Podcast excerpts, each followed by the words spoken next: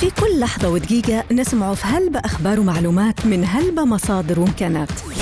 بعضها مرات يكون حقيقي ومرات إشاعة. ومرات إشاعة. فمش كل خبر نسمعوه نصدقوه.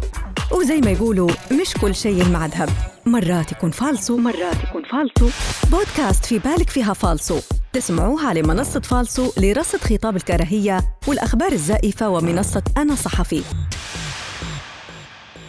مقدم من المركز الليبي لحرية الصحافة. في بالك فيها فالص الأسبوع هذا ونبدوها بالعناوين.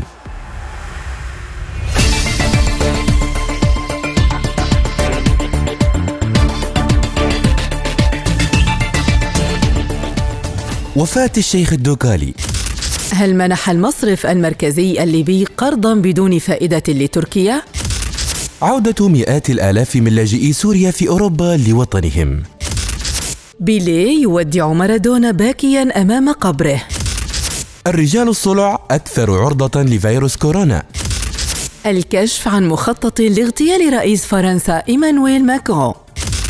ومن العناوين إلى التفاصيل والبداية بالأخبار المحلية.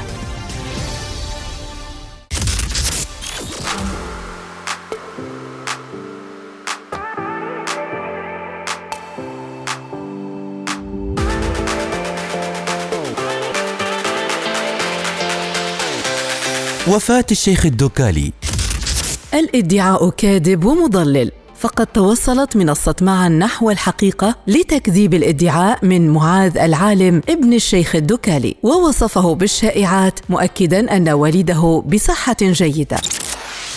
ثم عثرت المنصة على فيديو على يوتيوب للشيخ الدوكالي وهو ينفي بنفسه خبر وفاته ويؤكد أنه بصحة جيدة ويحذر من خطورة الشائعات الكاذبة ويشكر محبيه ومتابعيه على اهتمامهم هل منح المصرف المركزي الليبي قرضا بدون فائدة لتركيا؟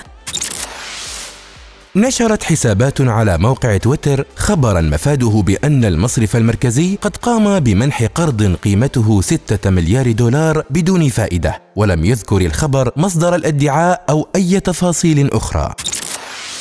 بعد البحث والتحقق من خلال الموقع الرسمي لمصرف ليبيا المركزي وصفحته على فيسبوك تبين أن لا وجود لأي خبر يفيد بهذه المعلومة. وبالعودة إلى المصرف المركزي صرح لمنصة فالسو بأن المعلومة لا صحة لها ولم يتم تقديم أي قروض أو مساعدات مالية لدولة تركيا. عودة مئات الآلاف من لاجئي سوريا في أوروبا لوطنهم. الخبر كاذب بحسب منصة معا نحو الحقيقة فلم تجد المنصة أي أصل له على محركات البحث ولا في موقعي وزارتي الداخلية الألمانية والهولندية.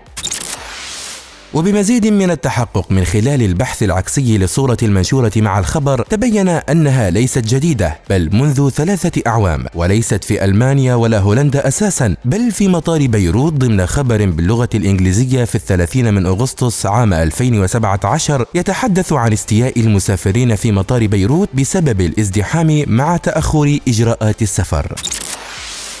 بيليه يودع مارادونا باكيا أمام قبره. الادعاء كاذب بحسب منصة معا نحو الحقيقة فرغم انتشاره الواسع حتى على العديد من المواقع الإخبارية باعتبارها صورة العام إلا أنه تبين أن بيليه قام بنعي مارادونا لكنه لم يسافر لحضور جنازته ولا جلس باكيا أمام قبره.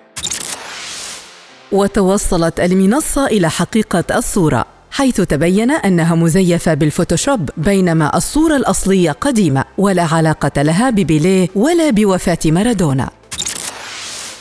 الكشف عن مخطط لاغتيال رئيس فرنسا إيمانويل ماكرون.